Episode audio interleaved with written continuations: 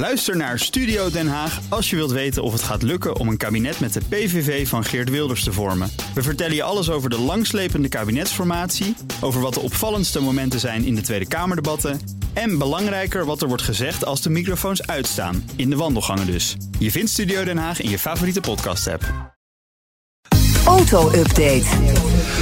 Maar het uh, houdt je vooral jong als je gewoon leuk werk hebt. En dat hebben wij, niet waar? Toet toet naar Broekhoff van de Nationale Autoshow. Zeker, jij zegt het. ja, zo is dat. Ja, uh, bij Volkswagen zullen daar iets anders over denken op dit moment. Want het dak staat in brand bij Volkswagen. Dat zegt uh, de hoge baas, Thomas Schäfer. Ja, crisis. Oh jee. Donderpreek. Er was een bijeenkomst met 2000 Volkswagen managers. En daar is hij flink van leer getrokken. The roof is on fire, heeft hij gezegd daar. Uh, de kosten lopen te hoog op. Uh, de komende periode uh, zal bijzonder zwaar worden voor Volkswagen, waarschuwt Schaefer, volgens verschillende media. Het zou allemaal te maken hebben met die investeringen in elektrisch rijden. Hè. Ze moeten heel veel geld ja. daarin stoppen om dat te ontwikkelen. maar aan de andere kant houden ze ook nog de verbrandingsmotoren in leven, omdat ja. ze daar ook nog best wel veel van verkopen. En die eisen van die verbrandingsmotoren die worden steeds strenger. En dat kost dus veel geld om ze daarin aan te passen.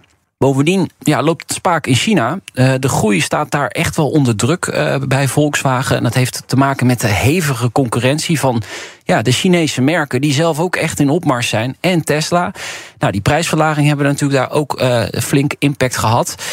daar gaat Volkswagen ook wel een klein beetje nu in mee in China. Maar dat levert nog niet genoeg op. Dus het is alarm fase 1 ja, bij, maar hoe bij gaan ze het Volkswagen. oplossen? Nou, uh, dat hebben we een paar weken geleden natuurlijk al wel besproken. Ja. Um, er gaat flink gesneden worden. Er moet echt veel geld bezuinigd worden. Uh, niet zozeer op, uh, op mensen, maar vooral op kosten. He, dus, dus de kosten in de fabrieken efficiënter maken. Platformen nog meer delen, nog meer onderdelen delen met de andere merken binnen de Volkswagen groep. Om dit vlot te trekken.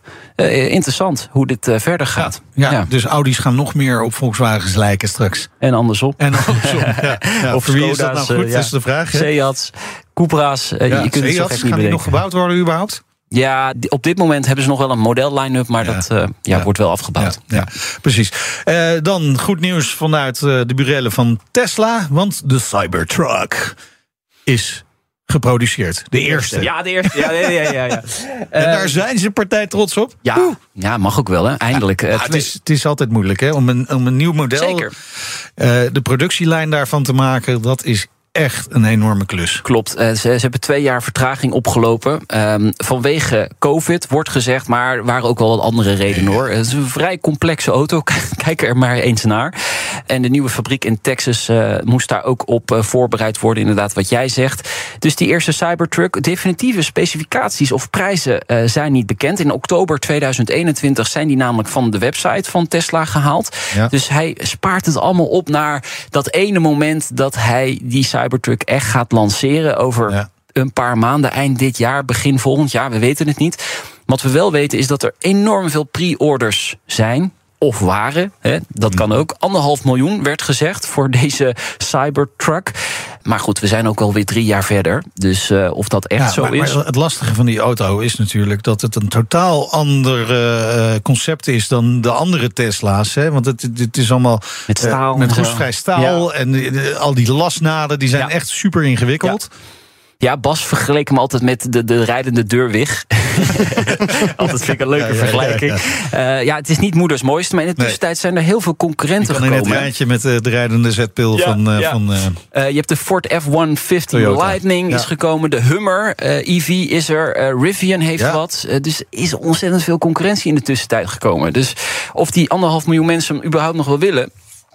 Er zal vast een percentage zijn die dat wil. Maar Ja. we gaan het zien. ja, maar als die er komt, dan blijft hij bij Tesla ook meestal vrij lang in productie. Ja. Hè? Ja, zeker. Dat, geldt overigens voor sommige andere modellen van andere merken ook. Hè? Ja. Ja, want het merk met zijn oudste model-line-up is... Ja, het verbaast me niet, maar het is Lada. het is Lada. Vijf modellen.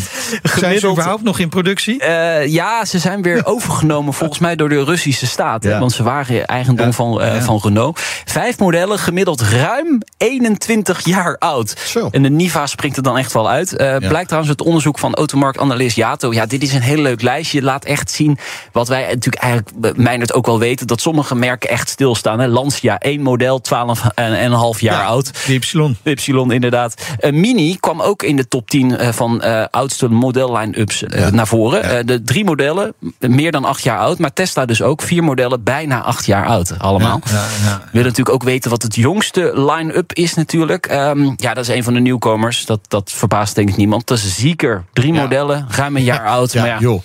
Ja. Dat is ook geen massamerk. Het volumemerk met eh, ja, de, de jongste line-up is Hyundai. 32 modellen, 3,1 jaar oud. Ja, ik zag al onder de oudere modellijnen zag ik ook nog twee Amerikanen, hè, Chrysler, Chrysler, en, en, eh, ja, Dodge. en Dodge. Ja, Eh, de, de- Dodge is wel gekomen met een, eh, met een nieuw model. Eh, eigenlijk is dat gewoon een eh, Alfa. En dat is dan eigenlijk gewoon weer een Jeep. Hè? Ja, het is van Stellantis.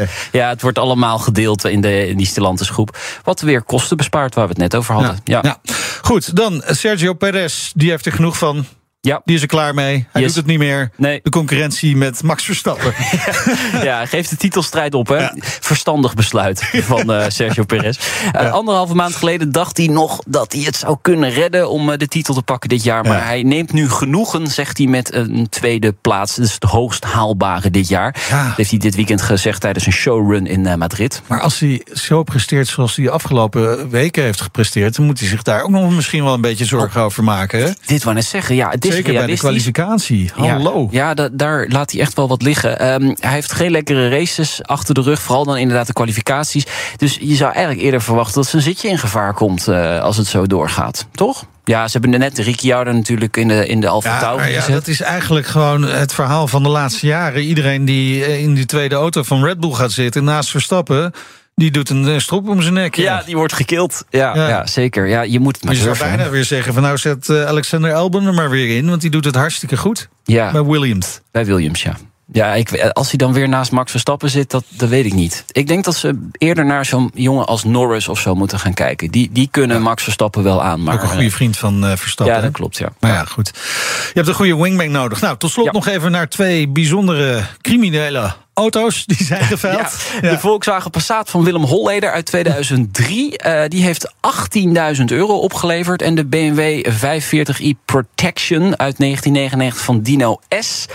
11.000 euro. Sorel. Ja, Ja. Ja. ja, Ja, nee, ja. Iedereen weet hoe niemand heet.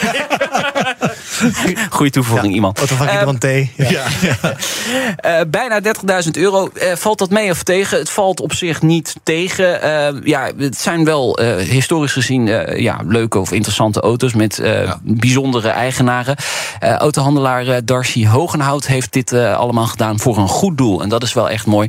Dus eh, dat, eh, ja, dat geld wordt Ja, maar hij overgemaakt heeft ze binnenkort. opgepikt in Letland, hè, die Ja? auto's. Ja, hij, heeft ze opgepikt. hij was op zoek naar Porsches, maar kwam toen deze twee auto's tegen. En dacht van, nou, dat is best wel een interessant eh, verhaal. Ik neem ze gewoon mee en dan ga ik ze veilen. Wel, wel mooi. Ja, leuk. En eh, er is dus 30.000 euro voor goed doel. Is altijd goed. Ja, Toch? Ja, zit er nog iets leuks aan die auto's toevallig? Dat je zegt van, goh, kogelgaten hier en daar. Nou, volgens mij niet de gaten, maar het is wel volledig eh, bepanserd. Ja, Ja. ja. ja, dat moet- vakjes hier en daar. die misschien nog niet ontdekt zijn. Zo diep heb ik me er niet Stel je voor dat er nog een deel van die Heineken-gelden gewoon ergens in die auto ja. verstopt zitten. Een paar miljoen gulden Ja. nog. eh, ja. in te wisselen. Goed, dankjewel Nout. De auto-update hoor je iedere maandag en vrijdagochtend op BNR. En je luistert eh, natuurlijk terug in je favoriete podcast-app. Dus abonneer je. De auto-update wordt mede mogelijk gemaakt door Leaseplan. Leaseplan. What's next? Ook Bas van Werven vind je in de BNR-app. Ja, je kunt live naar mij en Iwan luisteren tijdens de ochtendspits. Je krijgt een melding van Breaking News. En niet alleen onze podcast Ochtendnieuws, maar alle BNR-podcasts vind je in de app. Download nu de gratis BNR-app en blijf scherp.